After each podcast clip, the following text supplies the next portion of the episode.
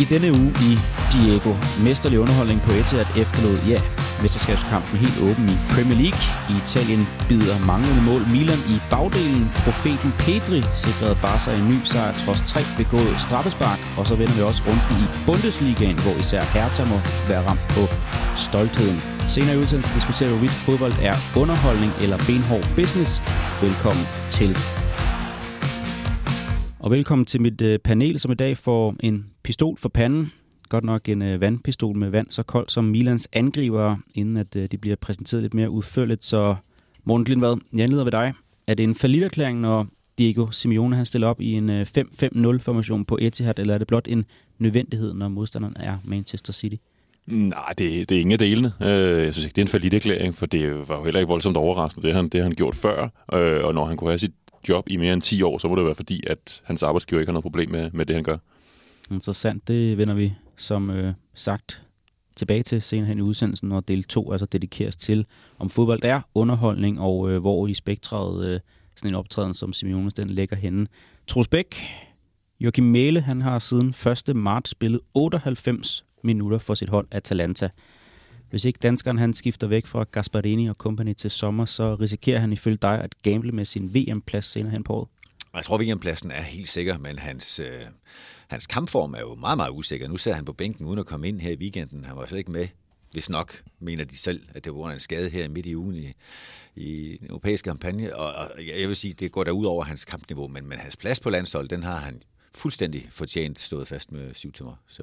Men der er lidt kur på tråden dernede. Det kan vi måske tale om senere hen. Øh, Francis D.K. er Tottenham det mest seværdige hold i øh, Europa for tiden, og er Harry Kane den bedste i scene, sætter lige i øjeblikket?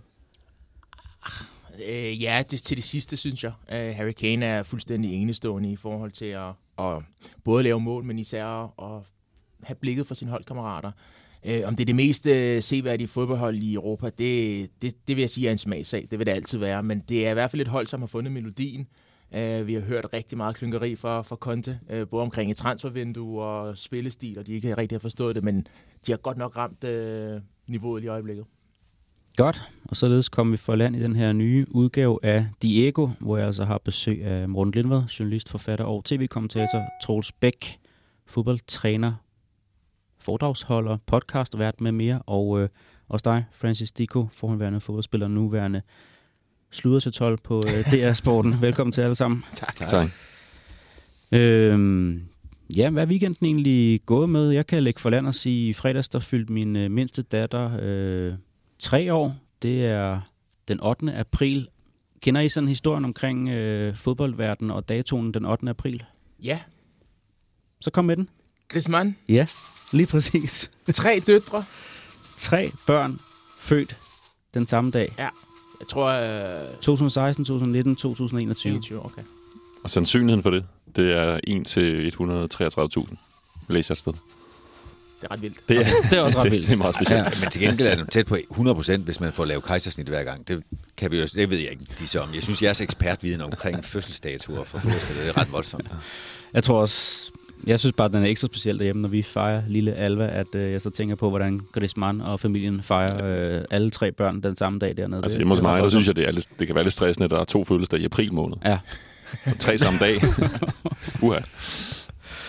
Ja, den er, den, er, den er ret voldsom, så tænker jeg sådan, så tror jeg, der pokker, at det måske halter lidt efter på fodboldbanen, når han, øh, i hvert fald i, omkring på den her tid af sæsonen ja, i hvert fald. Den her sæson, der, der er rigeligt at se til med ballonger og en kagemand, der skal hentes og spære bosse eller alt muligt lignende der. Det er, der må være noget at se til. Hvad, øh, hvad har ellers fået weekenden til at gå med? Ej, der har været meget fodbold. Der har været... Øh, nu er det jo selvfølgelig et internationalt fodboldprogram, men der var jo også i den danske Superligas topkampe. Det har været jo rundt omkring i, i, i det europæiske, så... Um, så, så det er spændende. Så hvis vi tager den sydamerikanske, det ved du noget om, Øh, i Brasilien er de begyndt at spille igen. Øh, så der er, der er fodbold over det hele. Øh, så hvis man har en hang til det, så, så går man ikke ned på det. Jeg kan supplere med at sige, at når man så i øvrigt og I skal slet ikke sidde her og klynke med jeres fødselsdag i ny og næ. Når man har otte børn, der har fødselsdag hele tiden, så er der også mange, der spiller fodbold. Så udover de her mange kampe, når vi nu med dækker så mange ligaer, som vi gør i det her program, øh, så har vi ude at se fire kampe med egne børn hen over weekenden. Og det er, må jeg med skam sige, det foregår sådan, at man ser kampen, og så har man highlights kørende af, fra Y-Scout eller andre steder, som lige samler op på en 15-18 kampe i løbet af sådan øh, drengenes fodboldkampe også. Så det, det er multitasking på højt niveau. Stærkt. Jamen, øh, lad os hoppe ud i det, det aktuelle for fodboldens verden. Inden der kunne jeg egentlig godt lige tænke mig øh, at af, afledt af mit spørgsmål til dig, Morten, for lidt siden det her med, om fodbold er underholdningen. Vi plejer at have sådan en fast holdepunkt med en personlig erindring. Nu tager vi det med i plenum her. Og jeg er måske også øh, heller ikke forberedt det forfærdeligt meget på det, så det bliver lidt for hoften. Men sådan jeres værste, mest kedelige fodboldkamp, I har været til, og jeg tænker egentlig ikke, altså det kan være som betalt, eller, men jeg tænker ikke, det skal være i arbejdsmæssig forstand, Morten, at du som kommentator eller Troel som træner, Francis som spiller har deltaget i, men en kamp, I har været til stede, hvor I faktisk skulle kigge ned på spillet på banen om og, og føle underholdning, hvor I, det måske ikke helt har, har levet op til det? Altså, jeg, jeg kan lægge ud, at der, jeg har været selv aktør i rigtig mange kedelige kampe. Øh, og jeg kan da huske at selv at have rost en utrolig kedelig kamp, hvor mit hold vandt 1-0 på en udebane, og, og har defineret det som en nærerotisk oplevelse. Og det er det jo set i bagspejl jo på ingen måde. Altså, det var så røvkedeligt, som noget kunne være, og der kan ikke have været andre end lige de 11, der var i den trøje, jeg havde bedt mig om at tage på, og mig selv måske, der synes, det var en super festlig oplevelse. Øh, og så har jeg været til en kamp engang med det nye trænerteam i i Brøndby, da jeg som sportsdirektør sad og havde introduceret tyske trænere til dansk fodbold, og de skulle med ud og se øh, nyklassikeren Horsens mod Sønderjyske. Og de, de var noget forundret. De var klar til at lave analyse i kampen, og da der var gået en halv time, så sagde de, det kan man jo ikke lave analyse af. Øh, med al respekt for de to gode klubber. Så det, det synes de i hvert fald var røvhammerne kedeligt. Men det er jo det, der er så sjovt, for det er individuelt. Jeg kan ikke, måske ikke komme med noget konkret, men jeg, jeg kan gå så langt at sige, at jeg også ansporer det, vi skal tale om senere. Øh, der er en lang periode, hvor jeg fravalgte spansk fodbold. Øh, for jeg simpelthen synes, at altså, nogle af de hold, som har fået allermest ros, altså Barcelona-hold, der har fået allermest ros, øh, har jeg faktisk siddet og nærmest øh, slukket for. Øh, nogle gange det spanske landshold slukket for, fordi de bare kører bolden rundt uden at spille mod mål. Øh, så det er jo en individuel ting, hvordan, hvad der får en øh, til at blive opstemt. Så, øh, men det kan, vi komme, det kan vi komme ind på senere. Ja. Har, har du gravet noget frem, Morten? Jamen, jeg synes jo næsten, Altså nu siger du, når man er på stadion, altså, så, så får man alligevel altid et eller andet med. Altså lige meget, hvor dårligt det kan være. Jeg, der vil jeg nok sige det værste, det har nok været nogle af de der coronakampe. Uh, altså det her med at gå til fodbold, uden der var tilskuer. Altså det var, der, der, der føltes det virkelig som en, som en uægte vare, uh, som, som ikke, som lige meget, hvor godt det så eventuelt kunne være, så var det måske ikke spillet, der var dårligt, men så, så manglede det bare noget. Uh, så det tror jeg næsten er sådan de mest sådan lidt nedslående fodboldoplevelser, jeg, jeg sådan lige kan komme på i de senere år. Men det ringer det der med, at man får altid noget med fra en stadionoplevelse. Jeg kan huske, da jeg var i London med min kæreste og hendes øh, veninde, boede derovre, studerede derovre, så vi kunne bo over siden. Det krævede så også, at jeg inviterede hende med, da jeg skulle ind. Jeg skal altid se Arsenal, når jeg er i London. Så jeg betalte tre billetter omkring de 3.000 kroner for at se Arsenal Southampton en onsdag.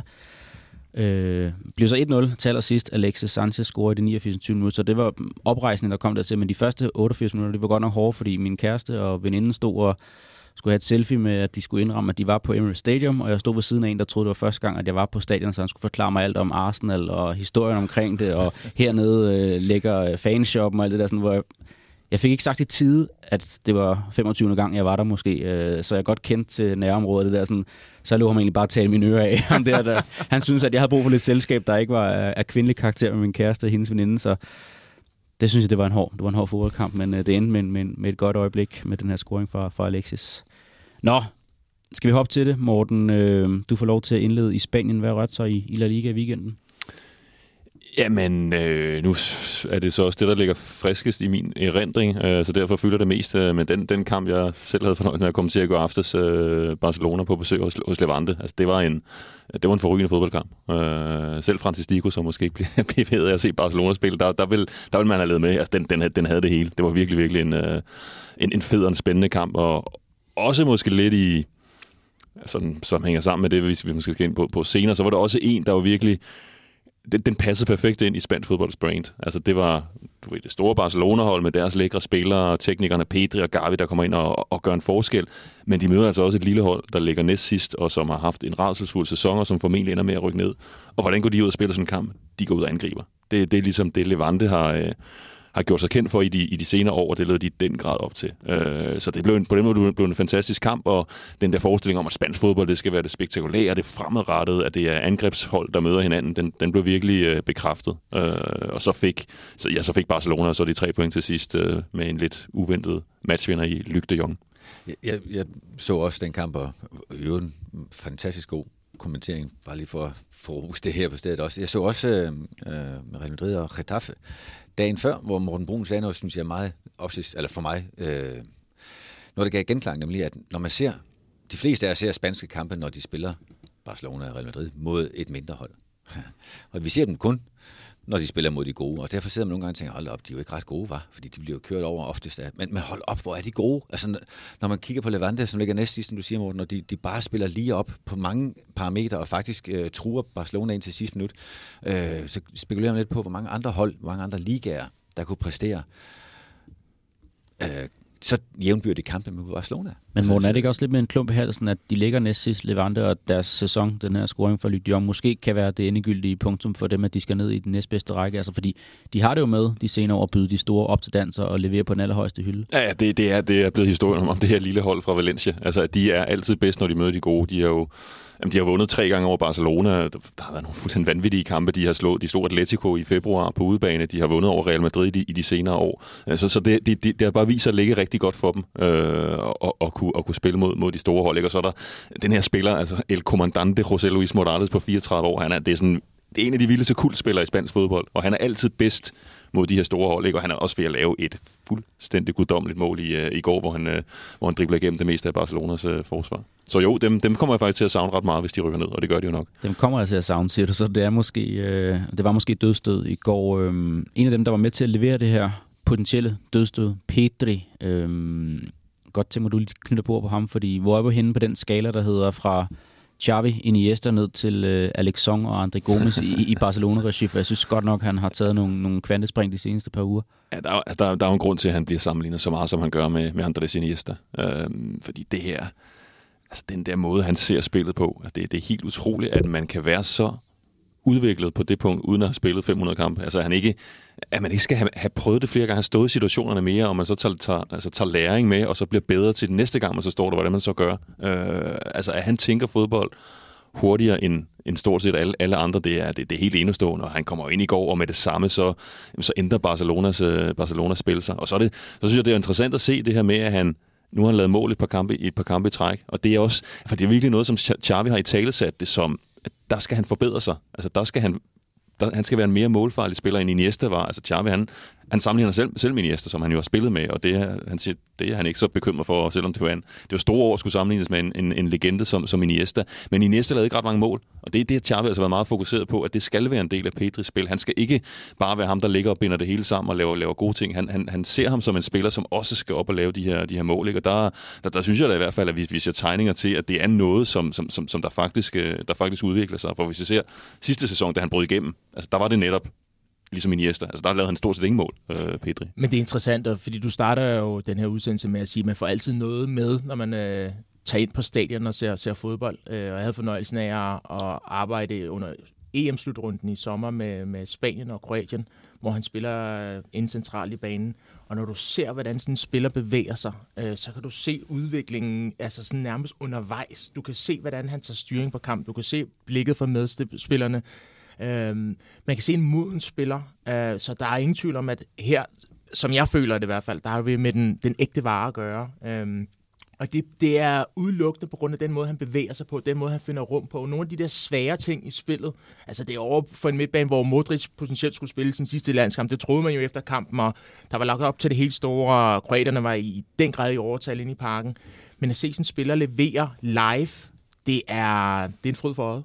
Det er også, altså nu skal Xavi have fortjent fået mange roser, men en stor forskel på Barcelonas efterår og deres forår, det er også, at Pedri han var så skadet det efterår. Øh, og jeg synes, man bliver bekræftet igen i går, hvor, mm. altså, hvor meget han betyder for, øh, for, for, for, for det her hold. Altså, han var jo sat ud på bænken for at få et hvil. De har jo mange kampe med Europa i øjeblikket. Øh, men, men han er ja, en meget, meget vigtig spiller for dem.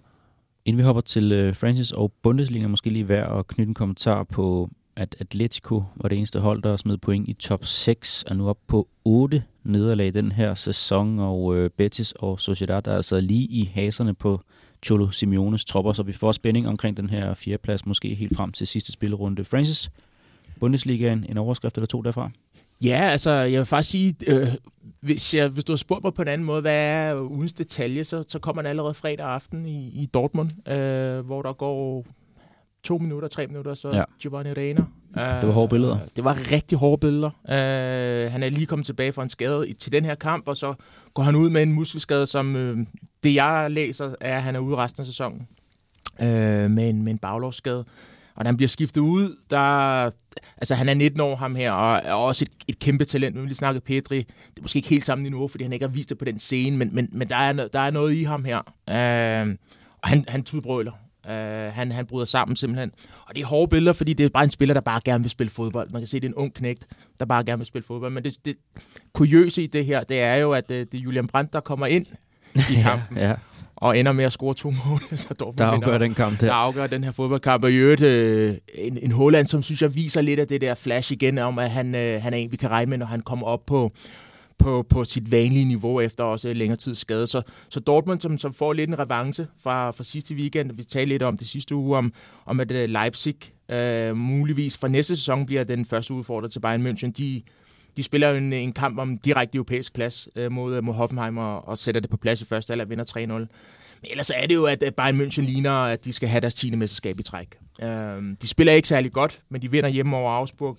I øvrigt fyldt stadion, øh, hvilket er fedt for Bundesligaen, for det er de steder, hvor øh, det virkelig lever apropos stadionoplevelser. Øh, men de vinder med hiv og sving, straffespark, som øh, Lewandowski naturligvis tager sig af. Øh, så den tyske er jo, øh, er, jo, er jo afgjort, synes jeg, i toppen. I bunden ser det straks anderledes ud, for der er et af de store hold, der kommer til at rykke ud.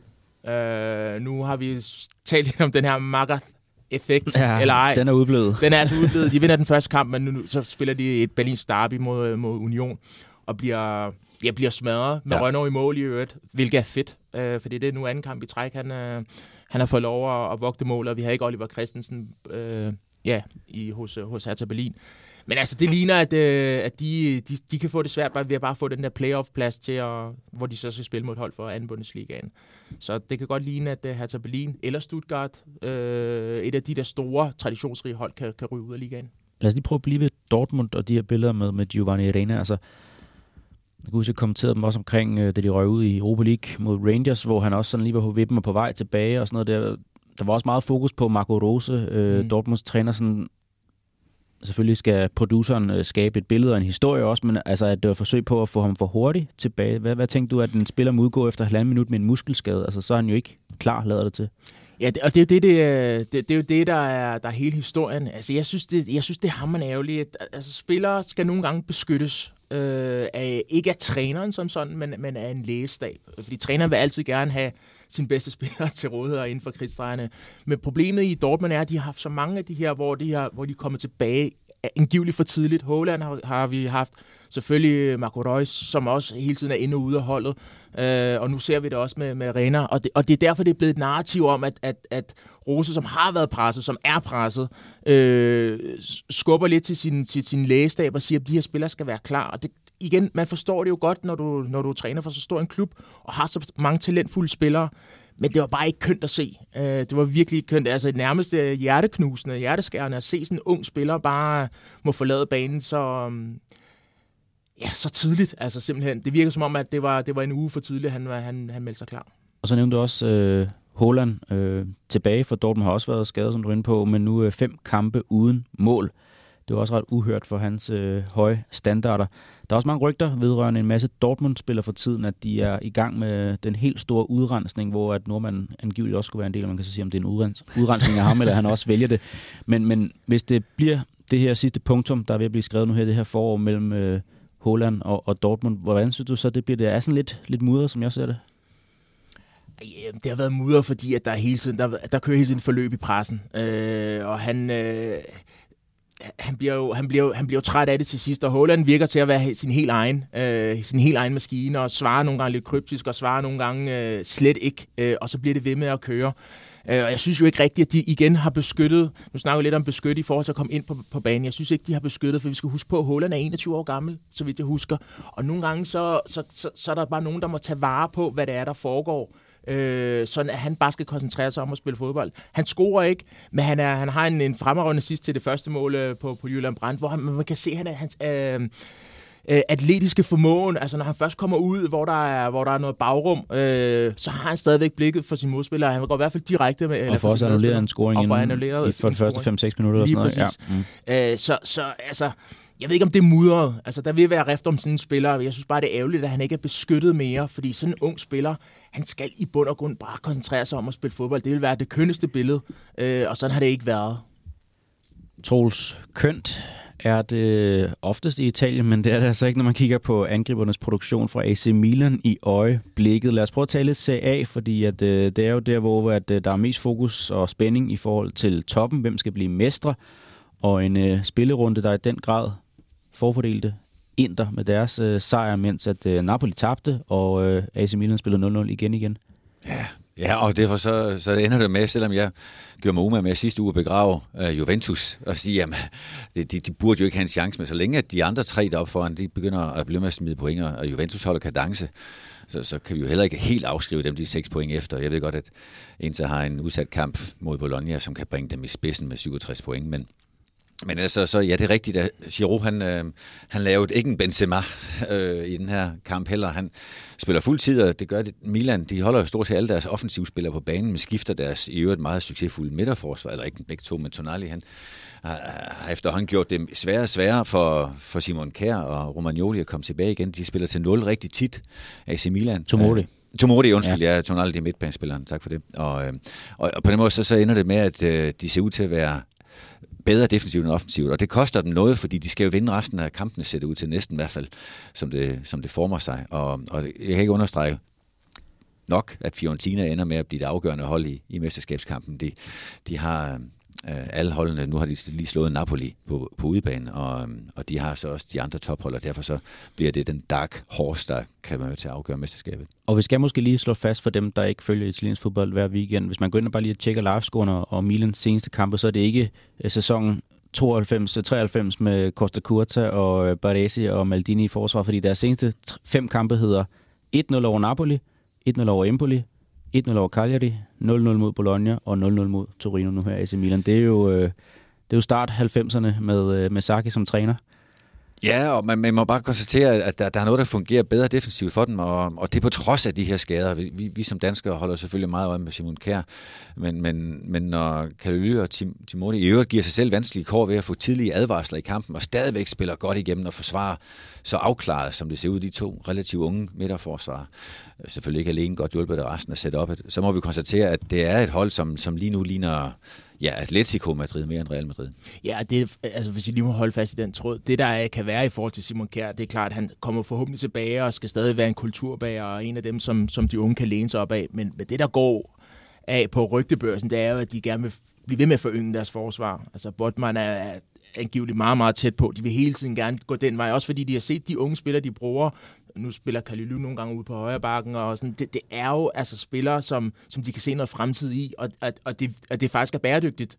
Øh, og det kan godt blive dødstød for, for Simon Kjær i forhold til at være start 11-spiller ja, det er en ret vild udvikling i forhold til, at han måske var deres bærende kraft i store dele af 2021, så en skade og, kan bare mange ting. Mm. Bare lige for at tage et, et langt øh, hop frem til VM, så kan man sige, men Andreas Christensens øh, situation taget i mente også. Skulle han ende med at komme til Barcelona, jo, det, jeg er svært ved at se, at han tilfører dem noget, som de ikke allerede har. Altså, jeg synes, på trods af de mange straffespark i kampen, du så Morten og kommenterede, og på trods af de to scoringer og flere mulige, så synes jeg faktisk, de hver for sig, Garcia og, og nu har jeg svært ved at udtale det uruguayske navn. Jamen, det, det, det er rigtigt. Altså, den optur, den har også ramt forsvarsspilleren, så nogle af de her øh, spillere dernede, som man måske kiggede lidt skævt til for et par måneder siden, jamen, de har oppet sig. Altså, ja, Erik sige er det bedste eksempel. Ja. Altså, det første halve år i sæsonen, der, der, der var der ikke ret mange, der følte sig overbevist om, at han virkelig havde, havde klasset til Barcelona. Men, men det har han vist den sidste tid. Ikke? Så hvor, hvis man spurgte for en, to måneder siden, hvem, hvem kommer på holdet, Andreas Christensen eller Erik Garcia, så vil jeg klart sige, at det vil blive Andreas Christensen. Så,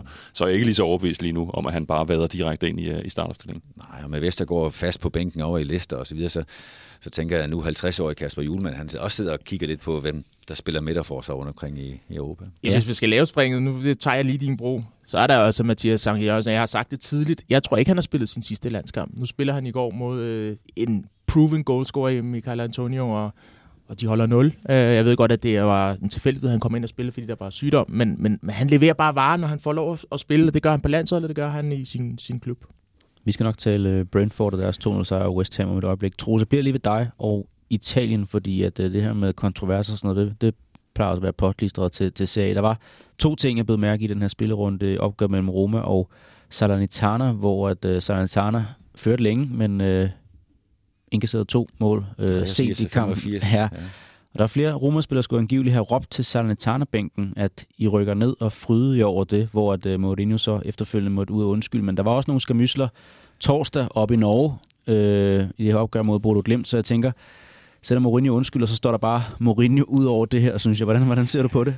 Ja, altså, jeg, jeg synes jo også, han ligner en mere og mere åh, altså forceret træner, øh, hvor han jo var totalt i kontrol de, sidste, de første 15-20 år af sin karriere, så ligner han en mere og mere forceret træner, og de hold, han har med at gøre. Altså, der er jo ikke noget, der er ikke noget hold i Italien, selv i Italien, som har været involveret i så mange kampe med røde kort, som, som AS Roma, både til sig selv og til modstandere. Hektikken er altid en følgesvend i de kampe, som, som Roma spiller, og det er det både på banen, og nu også på bænken, og var der ikke politi anvendelse op i, i, i Bodø, det tror jeg, der var her i torsdags, Ja. ja. hvor, hvor de jo taber også til aller, sidst. Ikke? Og kommer de til at sende politi taber til Italien, der. Ja, ja. faktisk. Ja, ja, altså for at passe på trænerne. Ja, simpelthen for, jamen, simpelthen for at passe på fans og alt sådan noget. Så Norges politi sender åbenbart folk afsted også. Ja, det er nu ikke helt ukendt, at man gør Nej, det, nej, men, men- men alligevel. øh, Bordeaux Glimt, tænker jeg, behøver de virkelig? Men det gør de.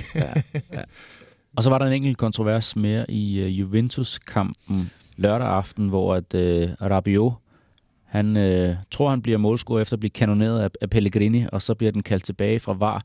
Jeg sad og kommenterede kampen, hvor altså jeg tænker, hvad pokker skal manden stille op? Han på to meters afstand får bolden sparket ind på skulder eller toppen af overarmen. Og så er det jo den her regel med, altså så helt følge øh, regelbogen er den korrekt annulleret med, at man ikke må score med en hånd. Men i Italien er det endnu mere nidkært vogtet, den regel, end alle andre steder. Altså der, der kan du, altså du kan stort set ikke, selv med hænderne på ryggen, øh, slippe afsted med at blive påskudt, uden at, at, at det bliver dømt. Nej, jeg synes, det er helt vildt. Jeg synes på en eller anden måde, det er en forlitterklæring for fodbolden. Øh, måske også det, vi skal tale om lidt senere hen. Men, men altså, altså, hvad pokker skal manden til op, så havde jeg bare tænkt. Ja, men altså, var, ikke, var der noget mere fredeligt sted at, at bevare sin arm end der? Nej, kan man ikke sige. Altså, han, den er jo skabt, som den er. Men jeg vil bare sige, at i Italien, der er de mere nidkære på, på petitesser i reglerne, end man ser mange andre steder. Skal vi tale Premier League til sidst? Øh, Frans, du til hul på den her Brentford-kamp. Den kan vi måske vende, inden vi hopper til øh, Manchester og Etihad, som der var den helt store kamp fra Premier League i den her spillerunde. Men øh, en 2-0-sejr begynder at se godt ud for dem i, i tabellen, også øh, kvæg de andre resultater, der var i, i bunden af rækken. Ja, altså det mest chokerende er jo, at Christian Eriksen ikke scorer. øh, men ellers så spiller de, øh, de spiller fremragende Brentford. Fire sejre ud af de seneste fem ja. I Premier League. Det, og og det, der, det kan godt have noget at gøre med, at Eriksen er kommet. Altså, der, der, der er noget andet kvalitet øh, og på den måde, de spiller. De har et, et, et hvilepunkt, så at sige, inde på banen, og når de rigtig er presset, så kan de spille bolden hen til ham. Og så er beslutningstagningen fra hans side, den er altid, eller oftest i hvert fald, øh, en, en god en. Og det hjælper sådan et fodboldhold, som godt kan lide at, at bruge øh, bolden, både når de øh, skal angribe, men også når de skal hvile, så at sige. Øh, så jeg synes bare, det er en, det er en fryd for øjet, og, og selvfølgelig også med danskerhatten på, det skal jeg være ærlig at sige, men, men at sidde og se øh, Brentford, som, øh, som har Mathias Sanke Jørgensen i, i, øh, i startopstillingen sammen med Christian Eriksen, i løbet af kampen kommer Rorslev ind og spille øh, Mathias Jensen, så, så, så det er jo stadigvæk med de her danske islet, øh, hvor de stadigvæk får det gjort mod et, et formstærkt øh, West Ham-hold. Øh, Christian Nørgaard, undskyld, var selvfølgelig også i startopstillingen. Øh, Anfører. Han var anfører, Ja. ja, det var han. Øh, fordi netop Jansson var, var ude. Øh, så, så de, de ser bare godt trænet ud, øh, og det er det der solide håndværk, jeg godt kan lide at se på. Øh, for mig, øh, vi, vi kommer til at tale om det selvfølgelig del 2 med spillestil og sådan noget, men, men det der med at have øh, et, et foretrukken våben, fordi du har en spillertrup til at kunne udføre det, det har Brentford. Øh, og så var jeg særlig glad for, at øh, Mathias Jørgensen, altså Sanka, øh, her går ind og, og leverer varen. Altså, hans nye varemærke er, at han er en, øh, man kan stole på. Sådan så det ikke ud, da han var 17, 18, 19 år. Der, der tog han mange chancer. Men nu er det sådan en spiller, som alle trænere øh, kan lide at have i deres trup, fordi at øh, du ved, der kommer et bundniveau, som, øh, som altid, eller i hvert fald igen, ofte er, er godt nok til, at øh, du kommer igennem. Altså nu er vi her i Danmark, der er vi selvfølgelig meget glade for Christian Eriksen og hele hans comeback, og det, det er jo noget, som har gjort hele, hele nationen lykkelig. Og, og måske er det også farvet af det, når, når jeg ser ham spille for Brentford, men jeg synes virkelig, jeg har et indtryk af, at det er en spiller, der, altså, der præger sine holdkammerater i en positiv retning. Altså det der med at mærke mm. fra de andre, ham der, der er så meget klasse, altså er vi det mindste presset, spil den over på ham. Altså, han er ikke stresset. Han er ikke, for ham er der altså ikke noget særligt at stå over for, for, for West Ham. Han har prøvet noget, der er meget, meget større end det. Jeg synes virkelig, det her, at det har givet dem, en, uh, givet dem en særlig ro, og nu nævner jeg den der serie med, hvad er det, fire sejre, fem kampe, at den de tabte. Det var jo så den, hvor han Ja, sad ud med der havde han covid-19. corona. Ikke? Altså, han har, jo, han, han, han, vinder han har vundet fire kampe i træk, Christian Eriksen. Uh, det er, at det har været et, øh, et, et brilliant match, og så er der noget, jeg, jeg, jeg på linje med dig, at se den der måde, de så slutter på med den der dansker midtbane. Mm. Det, det kan altså noget at se de der tre, øh, tre drenge ligge derinde og, og kombinere med hinanden. Det kunne også noget nogle timer senere på Etihad. Øh, ja, jeg sad der og tænkte, at, at det er sådan en kamp, der nogle gange godt kan blive skrevet lidt for meget op i medierne, at man skal køre det helt op på den helt store klinge, men det var øh, nogle spillere, nogle trænere, en kulisse, der i den grad leverede nærmest fra første fløjt af. Det var en forrygende fodboldkamp. Jeg prøver lige at tage nogle af overskrifterne, mens at øh, Alex han øh, serverer lidt, lidt varm kaffe. Tak, Alex.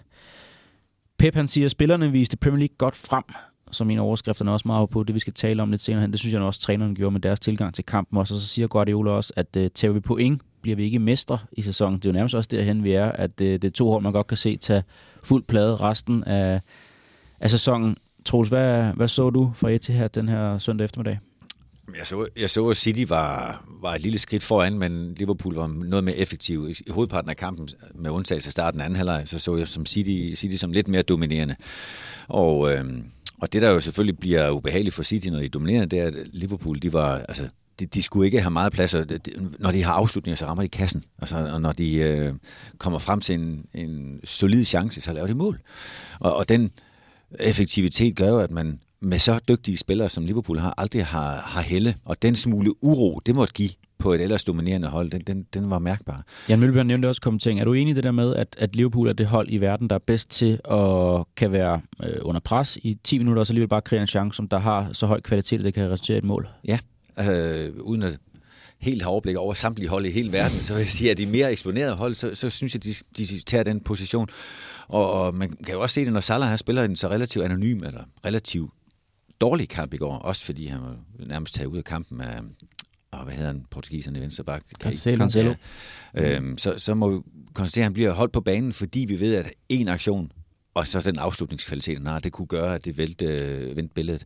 Og derfor så, så, så er det rigtigt, at de har kvalitet på enkeltpositioner til, at de, og i øvrigt i kontrafasen, så de kan blive farlige ud af meget lidt. Ja, og den aktion, den kommer jo så øh, lige efter pausen, øh, aflevering til Mané, så, så, så ved vi godt, hvordan, øh, hvordan tingene hænger sammen. Men hvad synes du så lugter mest af mesterskab? Er det, er det Guardiolas maskine, der kværner og, og skal bruge mange afleveringer for at skabe chancer? Eller er det her med, at man kan kreere noget groft sagt ud af ingenting. Det er også en, en hånd mod, mod Liverpool, den måde, de spiller på. Men, men, men, men de skulle i virkeligheden i går ikke bruge så mange afleveringer til at, til at komme frem til chancer. Det var det, de læser faktisk spillet rigtig, rigtig godt. Du kan se, der står en brilliant træner derude. Jeg synes faktisk, begge hold skal have ros for at, at spille med enormt stort mod. Fordi at, øh, vi ved jo, at Liverpool står med den her høje bagkæde, men det gør øh, Manchester City også. Og det gør de altså kampen igennem, fordi de gerne vil forsøge at lægge presset højt op på banen, vinde bolden øh, tidligt, og så er der ikke så langt til mål. Øh, så jeg synes jo faktisk ikke, de bruger så mange afleveringer. I første halvleg, når de laver de her store chancer, så er det jo, så er det jo oftest fordi, at de slår den lange, dybe bold, hvor Sterling... Ind bag baksene der. Ind bag baksene. Sterling og, og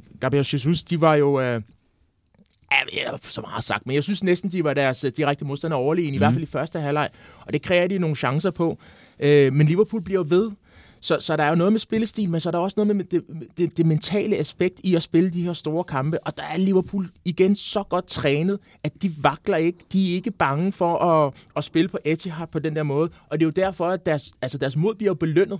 Øh, så, så der er ingen tvivl om, at vi fik en topkamp at se, og jeg glæder mig til at se, hvordan øh, de her sidste par kampe øh, kommer til at tage sig ud. Altså 338 kampe over de sidste fire øh, sæsoner har Liverpool fået. 339 har Manchester City fået, og der er altså også kun et point mellem ja, de point. To.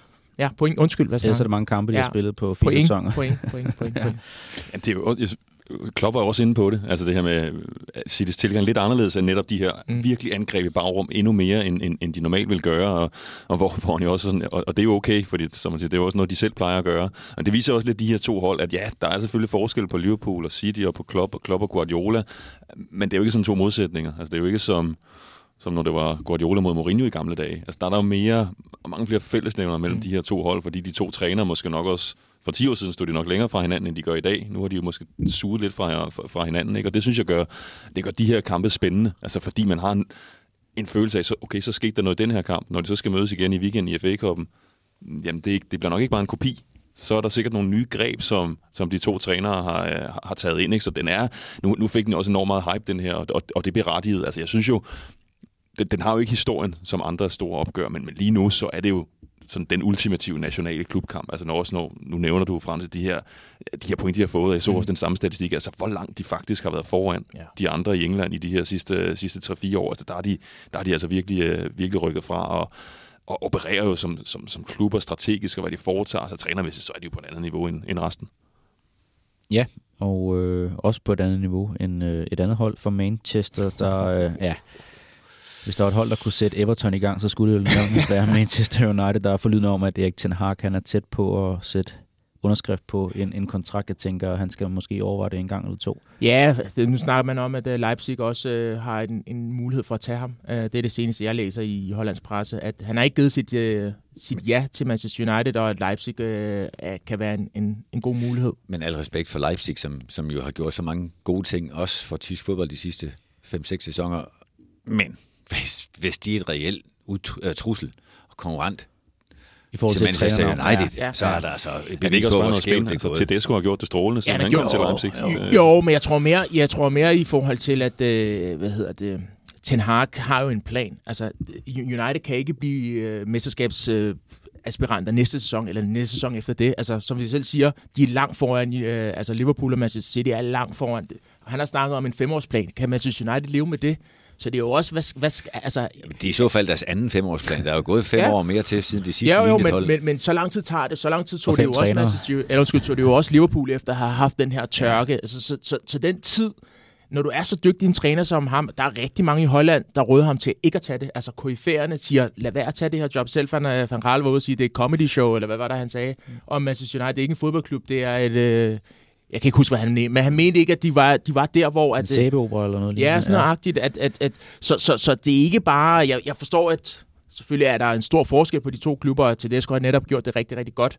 Øh, men øh, jeg tænker da, at øh, hvis Ten Hag er mulighed for dem, så, eller i en Bundesliga-klub, det skulle så fald være bare en München i min bog, men det bliver det så ikke.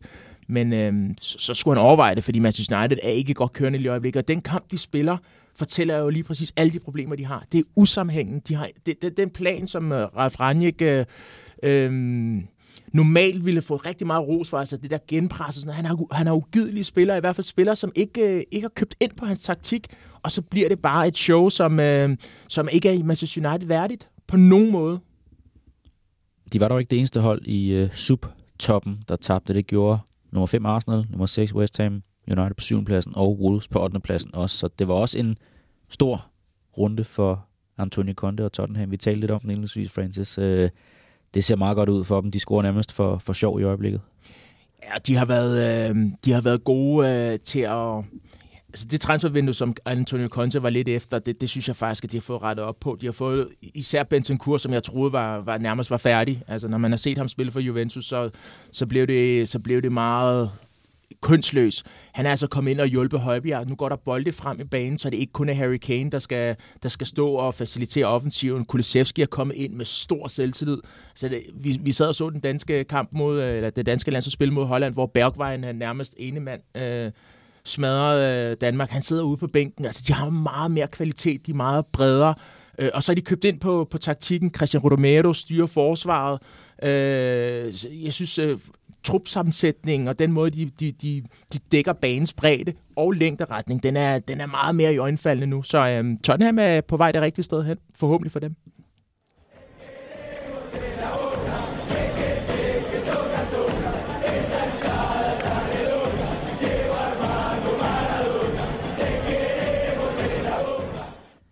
Her i øh, del 2 skal det handle lidt om det, jeg blandt andet spurgte dig, Morten, om øh, indtil i starten af udsendelsen for sidste uges Champions League-opgør mellem Pep og Simeone. Det var ikke bare en kamp mellem to forskellige stilarter. Det var også en ret skældsættende kamp, hvad angår æstetik og øh, det underholdsmæssige udtryk i en fodboldkamp, Morten. Vil du starte her? Øhm, du har set og kommenteret rigtig mange af Simeones Atletico-kampe, som du også var inde på øh, indledningsvis. Du kender til hans fodboldsyn og hans visioner. Synes du, han forsømmer sit ansvar? Har han egentlig et ansvar i forhold til branding af fodbold og fodbold som et underholdningsprodukt? Nej, det, det synes jeg ikke. Øh, det, det synes jeg ikke. Øh, det, det, bliver jo, det bliver jo en hypotetisk situation, øh, diskussion, for man kan sige, det, hvad nu hvis alle gjorde som Simeone? Jamen, det gør alle ikke. Øh, så, så derfor så synes jeg ikke rigtigt, at det giver så meget mening at gå, at gå ned af, af, af den vej. Øh, jeg synes, han, han skal stå til ansvar, Diego Simeone, for den klub, han arbejder for. Atletico Madrid, som har haft ham som træner i mere end, øh, i mere end 10 år.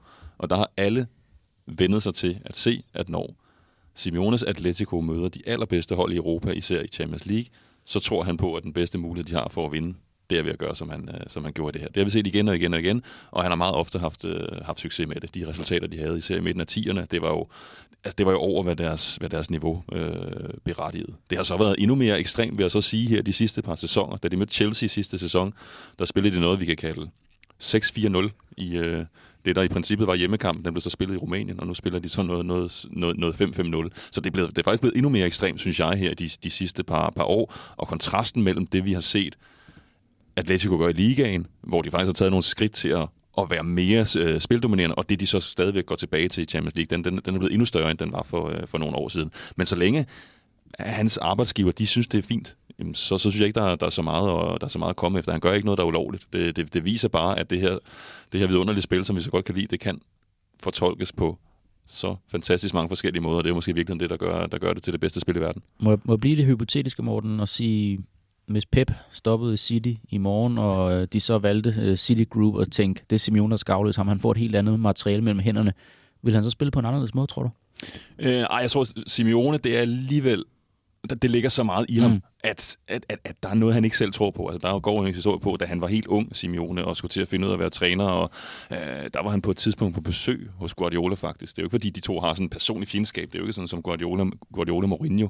Øh, og, og der er en, en, jeg tror, de har sådan lidt fascineret hinanden i virkeligheden. Det er mit indtryk. Og hvor, hvor, hvor og går på, de har sådan en, en samtale, hvor Simeone siger, at jeg kan godt se, hvad du gør, men jeg, jeg tror bare ikke på det. Jeg, jeg kan ikke mærke det inde i mig selv, at det er sådan, jeg, sådan, jeg tror på, at fodbold skal spilles. Ikke? Og det, det, er jo, det er jo, så så det, der tror jeg, at der vil være store grænser for, hvor langt, øh, hvor langt han vil gå. Og det, der så er i det, altså det her med, at det er accepteret i Atletico, men det, har jo, det sætter jo helt åbenlyst nogle begrænsninger for, hvilke klubber, der eventuelt vil ansætte Diego Simeone. Fordi mange klubber har jo netop den der følelse af, at vi er del af, vi er del af underholdningsindustrien. Vi, det er del af vores brand, at vi skal være spektakulære og offensiv, offensiv fodbold. Så går det ikke, at man gør sådan der.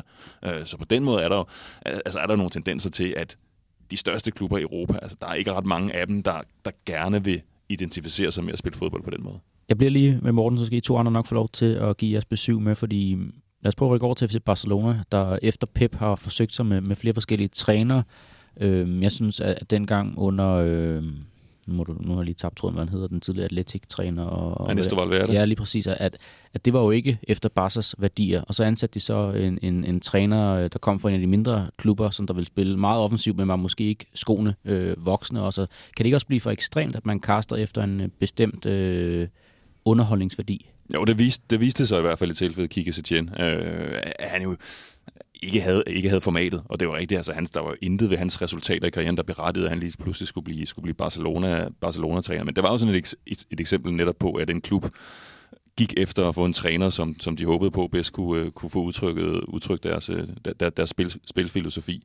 Øh, men, men, men jeg ved ikke, om det, om det, var for, om, om det er for ekstremt. Altså, jeg synes, det, øh, jeg synes det, det, det, er positivt, hvis klubberne de, de har en strategi, øh, og for, for langt størstedelen af de store klubber i Europa, så er den så er den strategi bygget op omkring, at hvis du er Real Madrid, Barcelona, Bayern München, Paris Saint-Germain, Manchester City, Liverpool, så ligger det som en forventning, at, at hvis man skal nå storhed, så skal man også spille angrebsfodbold. Og så har tendensen vel også været i fodbolden sådan i de sidste 5-10 år i hvert fald, at det har også kunne betale sig at angribe. Øh, altså den tid, hvor hvor man havde en følelse af, at man sagtens kunne, kunne, kunne forsvare sig til, til, til de store titler, og hvor fodbold var det her målfattige, målfattige spil. Jamen, der har det bare været sådan, at de bedste angrebshold er blevet så dygtige til at, at angribe, at, at det har været meget, meget svært at, at forsvare sig mod dem. Så der, så der er også en følelse af, at altså, på den lange bane, så, så kan, det, kan det nok bedst betale sig at, at, at, at lægge sit spil offensivt an. En god point også, måske når jeg sidder og tænker over det, noget af det, der kan være udslagsgivende for de italienske hold, hvor man ser dem under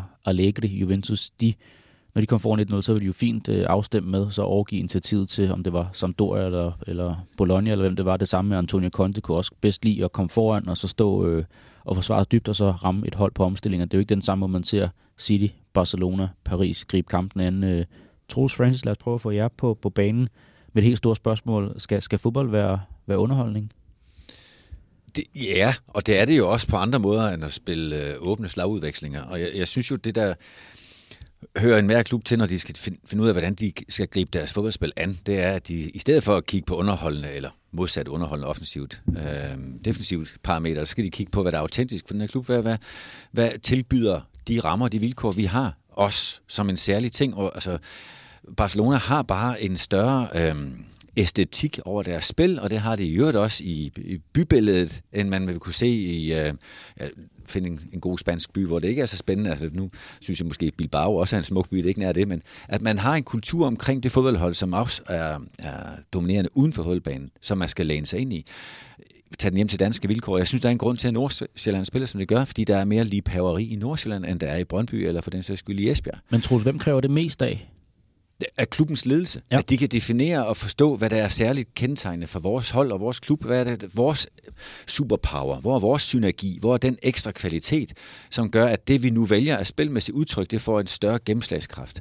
Og, og øhm, jeg sidder ikke og siger, at man skal kigge i skrabbøgerne. Tværtimod, man skal kigge på de aktuelle vilkår, man har omkring sit fodboldhold, og så se, hvad der er mest autentisk for os. Og, og jeg skal ikke kunne sige, om det var så... Altså, jo, jo, det var galt hus i Atletico, øh, inden Simeone kom til. Men på en eller anden måde er det i hvert fald blevet autentisk. Og jeg ved ikke, om det passer for den øh, supporterskare, men, men jeg tror også efterhånden, at de supporter, der støtter øh, Atletico, de også har et billede af, hvordan man spiller der.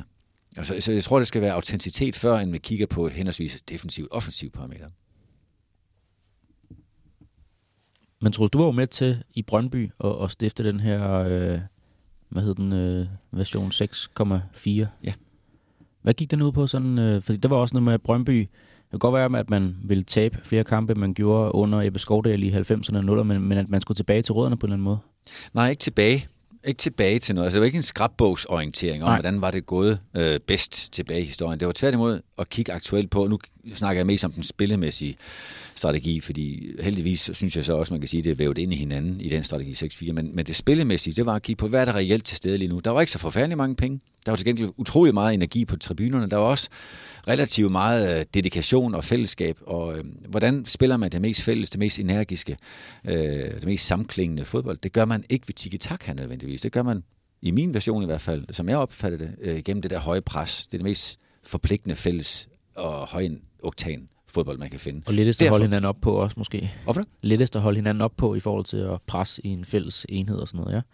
Ja, jamen, og, og, og der, der kan man sige, at vi har jo også som fodboldklub, har vi en forpligtelse til en gang imellem skal gnisten altså springe fra banen ud på tribunen, og ikke altid vente på, at den kommer fra tribunen ned og hjælper spillerne. Og der, der den samklang var det, vi gik efter i den sammenhæng. Og det synes jeg jo faktisk, en hver klub bør gøre, og kigge på, hvor er den største synergi at hente, så man har et øh, mere autentisk produkt. Ja, der, har, der har været eksempler også på, altså simpelthen træner, der har mistet, mistet deres job, fordi at, at det jo simpelthen ikke er blevet accepteret, den tilgang, de har været, selvom de har haft succes. Altså til Fabio Capello, to gange fyret som træner for Real Madrid, efter at have vundet mesterskabet. Øh, men, men der var netop bare ikke accepten af den tilgang. Altså man følte simpelthen ikke, at det var værdigt. Det var ikke Real Madrid, der blev udtrykt på den måde, som Capello ville, ville spille fodbold. Man kan så selvfølgelig undre sig over, hvorfor de så hævde ham tilbage. Øh, 10 år efter, så skete det samme, det samme så, så en gang til. Øh, tag også Bert van Marwijk fra et land, du, du kender bedre, øh, Francis. Altså den succes, han havde med det hollandske landshold, mm. fik dem i VM-finalen i 2010 på på et tidspunkt, hvor jo, de havde der Iron Robben og Wesley Sneijder, de havde gode spillere, man havde, måske, man havde ikke lige set det. Set det Men de spillede som Feyenoord, de spillede ikke som Ajax, det spillede som Feyenoord. Og, det, og det, han blev nemlig, altså virkelig, han kom i modvind. Altså han blev ikke fejret som den, den der store mand, der fik Holland tilbage på, øh, på, på toppen af, af verdensfodbolden. Tværtimod, så blev han jo kritiseret for at have gjort vold på, på Hollands fodboldsarv. Øh, så det er jo der, hvor, altså hvis man ikke hvis man ikke ligesom er på bølgelængde med dem, man nu repræsenterer, om det så er en klub eller et, et, et lands kultur, ikke, så er det, det kan, give, øh, det kan give problemer. Men jeg kan, jeg kan slet ikke den der med, at at fordi at Simeone og Atletico, de tager til Etihad og spiller, som, som de gør, at, at, at, at så skal man... Øh, altså, altså, så skal han kritiseres, eller så er han øh, en trussel mod, mod fodbolden, og alt det her, altså, det, det, det, det, køber jeg, det køber jeg slet ikke. Altså tværtimod, så tror jeg, det, så, så er det virkelig med til at give det liv, ikke? fordi det er så tydeligt for alle lige meget, om du har taget, taget lige så mange trænerkurser som, som, som Troels har, eller man er en lægmand som os andre, så kan vi godt se, at altså, de to stilarter, de er så forskellige. Og, og det er der noget fascinerende ved at se dem over for hinanden. Altså jeg synes jo, jeg sad ikke og kedede mig. Jeg synes, det er spændende at se, om det virkelig kan lykkes. Altså, kan man virkelig få succes ved at spille på den her måde? Det, det, det var lidt det samme som et andet spansk hold, Getafe, som også blev de her... Det var også sådan lidt mørkets fyrster i en, i en periode, og da de skulle møde Ajax, altså, det var, det var måske endnu mere ekstremt, sådan et kontrastfuldt møde, og hvor de her fine teknikere fra Ajax, de følte også, at det var jo et modbydeligt øh, spansk fodboldhold med alle mulige ufine tricks, og som begik frispark og sparkede de andre ned. Altså, det er jo sådan et af de de her store, store opgør, der har været i i de senere år, da de her mø, hold mødte hinanden. Ikke? Jeg tror bare, det er med til at, det er med til at give noget liv til, men, til det her spil. Men det, det er jo ligesom i uh, stort set alle mulige andre sportsgrene, altså især boksning, man plejer at sige, styles make fights. Altså hvis alle øh, hvad hedder, spillet eller slås på samme måde, så, så, så gad vi jo ikke se det. Altså for mig er underholdning netop kontrasterne, øh, og jeg synes forpligtelsen for en træner eller for en fodboldklub er jo også, det er klart, der er nogle klubber, som vi snakker om, Barcelona, Ajax, øh, Real Madrid, der, der, der, i virkeligheden også Manchester United, de har bare ikke øh, lige øjeblik. Og så er der Manchester City, som har, har fundet en eller anden melodi at spille efter. Øh, det er den forpligtelse, du har, øh, hvis, du er, hvis du er på det niveau. Men ellers så handler det jo om at se for eksempel på din, på din spillertrup, på, på, hvad vil du gerne have ud af det? Jeg synes, at Julemand er det perfekte eksempel. Vi har nogle gange kritiseret, nu ved jeg godt, vi snakker dansk fodbold, men Julemand, som også er, er dansk landstræner nu, var jo også ude at finde ud af, jamen, hvad, hvad identificerer en dansker? Han var ude og tale med alle mulige folk i forhold til det, du taler om med Lipaveri i Nordsjælland, de spiller på en måde. Hvad, hvad kendetegner danskerne? Og lave sådan en spillestil efter det i forhold til temperamentet i, i befolkningen, ud fra den spillerpulje, han har tænkt sig at bruge. Altså FC Nordsjælland var engang, var det tiki-taka-hold, sagde folk. Så blev det det bedste omstillingshold i Danmark. Altså det der med at kunne, øh, kunne lave en spilmåde inden for de rammer, som du har som klub, altså sådan så fans og sponsorer stadig kan, øh, kan, kan genkende, hvad det er for en fodboldklub, så er du nødt til at hele tiden at justere altså, Atletico Madrid spiller på den her måde, og det synes jeg ikke, der er noget galt i på nogen måde. Hvis det er den måde, som de har fået deres succes på, så er det det, de skal holde fast i. Det er sådan, de kasser deres spillere, mange af dem i hvert fald, dem, der har haft allerstørst succes, har kunne, har, har kunne affinde sig med det der.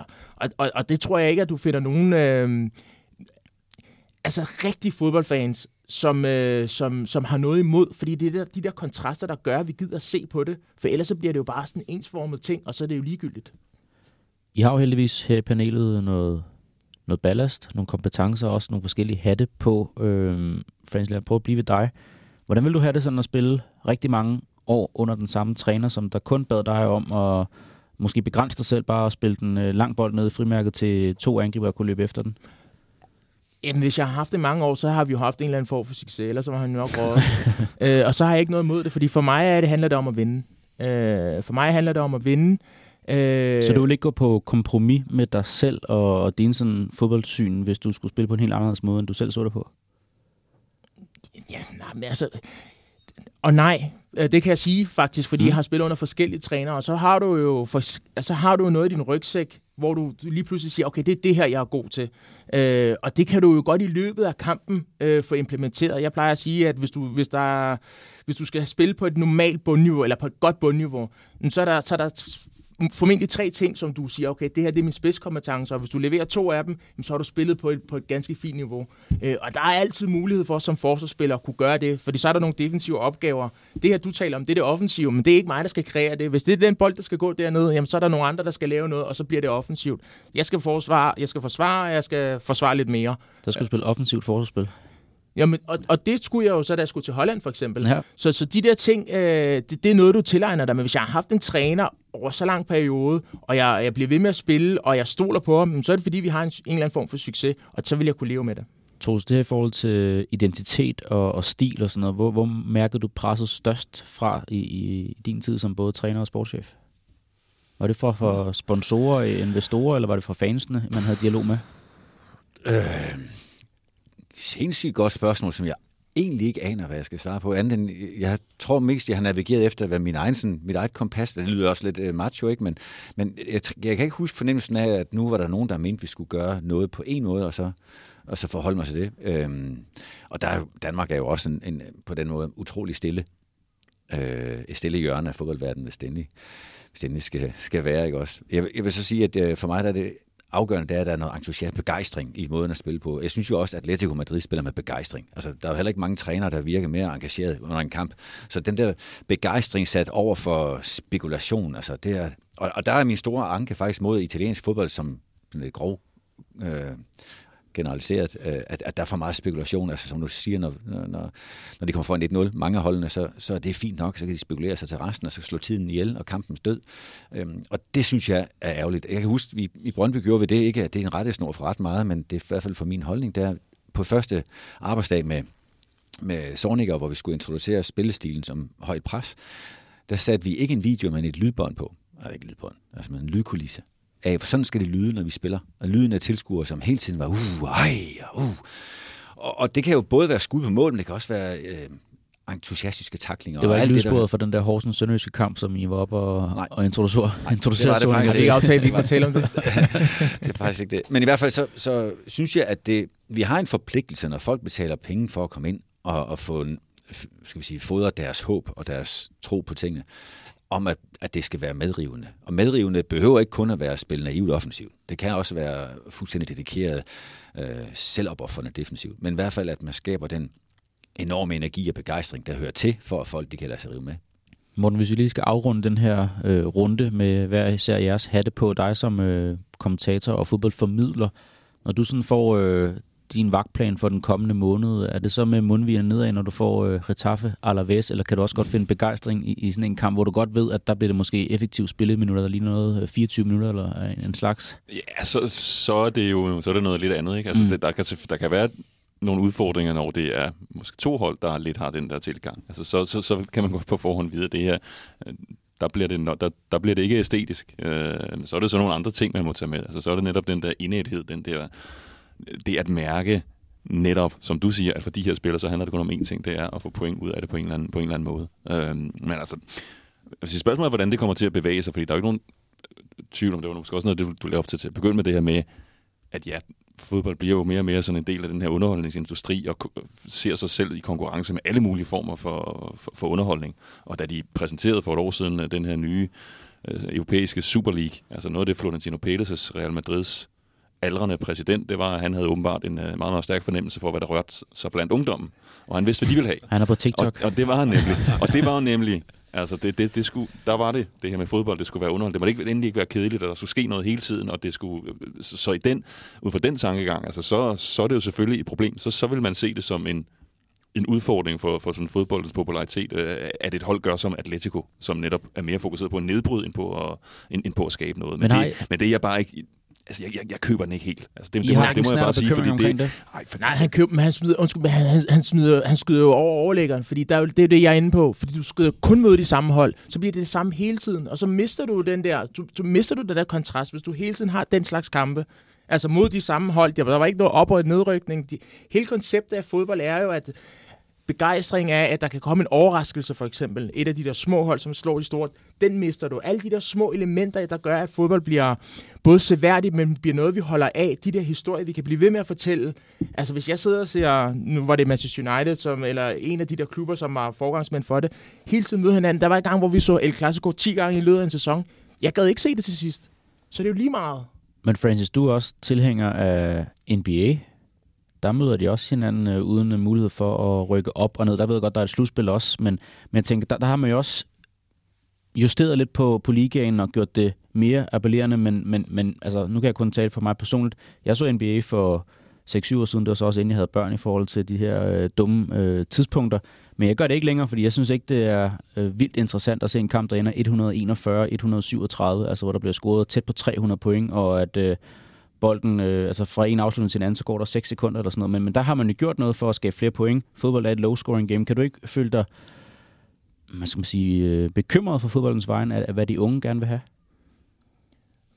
Jeg kan godt føle mig øh, sådan bekymret, hvad de unge gerne vil have, fordi at de gerne vil have stjernerne. De vil gerne se stjernerne hele tiden, og det er det, der sådan ligesom skal- sælge. Altså, det der player empowerment er, blevet, det er jo blevet en reel ting. Altså, spil, mm. mange af spillerne er langt større end klubberne. Så derfor er klubberne nu, prøv, altså forsøger de netop med det her Superliga at implementere nogle af de der ting, så, så de der unge øh, fans hele tiden kan få de her spillere at se. Men fodboldspillet er jo meget mere end det. Altså, fodboldspillet er, altså, du må ikke, gå, altså, du må ikke glemme historien. Altså alle de ting, som, øh, som, som fodbolden bygger på, det er jo, at, øh, at det skal være et ærligt spil, og ikke kunstigt fabrikeret, og det bliver det jo, hvis det er, at du, øh, du har de, de her store hold, der hele tiden møder hinanden. Ingen af de der mindre eller mid-level hold øh, har muligheden for at komme op og lave en overraskelse. Det, vi synes er allerfedest, det, det er EM92, selvfølgelig også sommeren i 21. Men de der store resultater, hvor der kommer nogen ud af det blå, det er jo det, vi lever af. Øh, og og det, den glans går bare af, hvis det er, du øh, prøver at ja, kunstigt at puste noget op. Og fingrene flyver i vejret her, men jeg vil godt lige tænke mig at indskyde en bemærkning, fordi øh, jeg har brugt det her eksempel øh, før i andre henseender også, men min kærestes fætter på 13 snart. Han ser fodbold, og det kan være, Troels, du kan ikke genkende til med dine børn i den aldersgruppe der. Han ser fodbold ved at gå ind på livescore, se hvornår der er blevet scoret, og så tager han sin øh, tablet og skruer frem, øh, altså på, på streamingtjenesten, skruer frem til 31 minutter for at se det mål, og så har han set Everton slå Manchester United. Er det ikke en udfordring for fodbolden? Jo, det er en udfordring for fodbolden. Fordi Men... der, der får de kun målene, fordi det er øh, rammen for dem, at det er det fodbold handler om, det er, hvem har scoret øh, flere mål end, end det andet hold. Ja, lige præcis. Men, men, men, men det er jo det, de sidder på, skal lave en, en, en plan om, og det er jo det, man sidder og taler om, men jeg synes jo bare ikke, at du må ekskludere nogen. Fodbolden skal stadigvæk være et fællesskab for alle. Det skal stadigvæk, alle skal have, som øh, Right to Dream nu siger, alle skal have retten til at drømme om at, om at, om at, at få det der store resultat, få en stor skalp. Øh, men hvordan man lige implementerer det i forhold til, til marketing, hvordan man, man sådan booster det, øh, det skal stadig ske organisk. Øh, der må du stadigvæk ikke skære en, en stor del af, af økosystemet fra, fordi de ikke lige har penge nok, eller de ikke lige har det der name brand, som, øh, som øh, Paris Saint-Germain har de, øh, den her dag i dag. Jamen, jeg, altså, jeg, jeg, jeg køber ikke hele Florentino Pettis argumentation for, for det her. Altså, jeg mener, det, det er bare en undskyldning for at få det her projekt igennem, som kan generere en masse økonomi. Øh, jeg har til gode at se belæg for, at fodbolden skulle have en skulle være, befinde sig i en, i en krise i forhold til at, at, at få interesse. Altså tværtimod. Det, det går da vist meget godt. Altså tag også bare hjemme med de tilskuere, der vælter, der vælter til stadion. Altså folk vil gerne ud og opleve det her. Øh, så så, så, så jeg, jeg, jeg synes ikke rigtigt, at den, at, at den holder. Og det bliver sådan lidt, lidt let købt at sige, at det er ungdom, de vil have noget andet. Det er sådan lidt, det er lidt, det er lidt for billigt og billigt at sige, medmindre at der kommer et mere troværdigt belæg for, at, for at, vi, at der faktisk er nogle, øh, nogle udfordringer der. Altså må vi heller ikke lade, lade den der øh, sukkerafhængighed definere, hvordan fodbold skal være. Altså, fordi vi, vi koder alting, som, som unge skal, øh, skal indtage og, og forholde sig til med, med let smurt sukker og glamour. Og, altså, så må vi da godt vise, at det godt kan gøres på en anden måde. Så må fodbold også stå lidt op og sige, jamen det her det er ikke et highlights øh, show. Altså, jeg har også en 13, han er faktisk blevet 14. Han sidder derhjemme med sin bog og tager notater af, hvordan de forskellige hold spiller. Han sidder ikke og kigger efter målene. Han ser efter det, der hører til imellem. Og det er jo derfor, at fodbold er den sidste øh, Flow TV-vare. Øh, fordi folk, de gider ikke se highlights næste dag de gider se det, der sker lige nu, og spændingen, der er til stede, og det, der gør, at EM92 eller sommeren 21 kan ske, og, og NBA, med den smule, jeg ved, der vinder det bedst, altid til sidst. Fordi det er, det, det, det er meget mere kontrollerbart, og det er fodbold ikke, og det skal ses live. Ja, men det er godt at vide, at fodbolden ikke er tabt, at øh, der også findes øh, unge folk som din søn, der tager notater, og øh, jeg tror, jeg havde sådan noget, i gamle dage, der havde jeg fik mine forældre til at spise en hel masse Ferrero Rocher, så man kunne få de der klistermærker, der var på, øh, og så kunne jeg sætte dem på min action, og så kunne jeg indtegne nogle numre, og så kunne jeg lægge dem op i, i opstillinger, som jeg lige havde set på en fodboldkamp der. Det var, det var min måde at, at rykke rundt på taktikbrækkerne øh, på. Det var, det var ganske interessant. Øh, har I nogle afsluttende bemærkninger? Altså, føler du, Morten, at en fodboldkamp den er bedre, hvis den er endt 4-4, end hvis den er endt 1-1 eller 0-1? Ikke nødvendigvis. Ikke nødvendigvis. Øhm, ja, der, der, kan være, der kan være der er så mange elementer i, sådan, i en fodboldkamp, øh, der, kan gøre, der kan gøre noget. Altså, er det, så, så, så nej, det, det, det, synes jeg faktisk, øh, det synes jeg faktisk ikke, jeg, jeg har det sådan. Ikke? Og, og hvis man sådan skal runde af med at tage det, altså Atletico mod Manchester City, ikke? Altså, så må vi jo så se efter returkampen. Altså, hvem er det? Ændrer han så med at gøre det rigtigt? Ikke? Fordi det er jo selvfølgelig så den kyniske diskussion, det er, om det så var klogt at spille på den måde, eller om han i virkeligheden ville have forbedret Atleticos chance for at gå videre ved at spille på, på en anden måde. De har jo ikke et skud på mål, så på den måde, selvom de holder Manchester City rimelig godt for stangen, så, så er det jo selvfølgelig heller ikke 100%, 100% øh, vellykket. Men hvis de så har, hvis de har styrken i returen til at, at gøre noget mere, det har man jo set før, for det skal man også huske, at, at tidligere har vi jo også set dem, hvor de spiller den der ultradefensive i den ene kamp, og så har de noget mere at byde ind med på, øh, på, på hjemmebane. Ja, jeg vil også sige nej, også fordi at det, for mig er, er målene ikke den eneste øh, ting, der definerer underholdning. Øh, det, der, altså, der kan sagtens være en et kamp som øh, er rivende underholdende. Og nu sidder jeg også som den, øh, altså, man sige, ekspert i den defensive del af det. Øh, det synes jeg, jeg synes, det, det, det kan være undskyld mit sprog, men skide inspirerende at sidde og se en, øh, en godt spillet defensiv kamp. Altså, men havde der manglet noget i går på Etihad, hvis det var blevet 0-0, den her kamp, og, og stadigvæk havde samme øh, liv, som den havde, men havde der manglet noget, hvis den blev 0-0? Ja, så, så kan du sige, ja, fordi så, så, der kan du sige, at der er så mange offensive spillere, og du kender øh, trænernes tilgang til det. Så vil der jo mangle noget, fordi du ved, hvad for nogle træner, der er derude, som altså, Guardiola plejer man at sige, han ser spillet gennem sin egen øjne, sit offensiv, altså det offensive, og, og Jürgen Klopp generelt gennem modstanderen, hvor han gerne vil have det her genpres. Øh, hvad gør de, og så kan vi vinde bolden. Så, så på, på hver sin måde meget, meget offensivt tænkende trænere, så vil man sidde og tænke sådan, om det var da ærgerligt, også fordi vi ser spillerne, men, men det, det, det kommer jo an på, hvad for nogle hold vi ser, hvad for nogle trænere, vores kendskab til, til ideologi generelt, øh, i forhold til, om, øh, om, øh, om det bliver det ene eller andet. Men lige går ja, fordi at der, at der er de rammer, der var. Altså, jeg kan huske, jeg sad på stadion i, i Dortmund i 2006 til VM-semifinalen, hvor Tyskland mødte Italien. 0-0 efter 90 minutter, og så vinder Italien efter forlænget. Men, men at sidde og se Fabio Cannavaro og company spille forsvarsspil på nærmeste hold, altså det, det i sig selv er der, er der altså også noget meget, meget stort og nærmest æstetisk i virkeligheden ved. Ja. Altså at se, hvor dygtigt man kan, man kan udføre, udføre forsvarsspil. Ja, min seneste stadionoplevelse, det var i Bergamo, Atalanta Inter, der blev 0-0, hvor man kunne sidde og se på øh, række 2, hvordan Atalanta presser over hele banen. Det var også fascinerende og imponerende, og i og for sig også øh, meget god afslutning på, på den her snak. Og, og, nå, okay, så skal jeg ikke sige mere. Men ellers vi har sagt... Næsten afslutning det, det kan du klippe ud. Det, det, jeg vil sige, det er også, jo mere man spiller på at sætte sine egne styrker i spil, i stedet for at kontrollere de andres, jo mere interessant bliver det. Hvad enten det er at sætte sin egen super defensiv godt i scenen, som nu ved jeg ikke helt, om det var det, der skete med Cannavaro og gutterne i 2006, men, eller som Atalanta, der presser højt. Øh, jo mere det er sat i, i scene, jo mindre betyder antallet af scoringer for mig. Altså, jo mere man spiller på sin egen styrker, og jo mindre man kontrollerer de andres, jo mere intens bliver det. Godt. Når det bliver ordene, synes jeg, det er opløftende at tale øh, med jer omkring det her. I har i hvert fald ikke øh, bange anelser på fodboldens vegne i fremtiden. Øh, Morten Lindvad, Troels Bæk, Francis Digo, tak fordi I har lyst til at være med i Diego igen igen. Selv tak. Selv tak.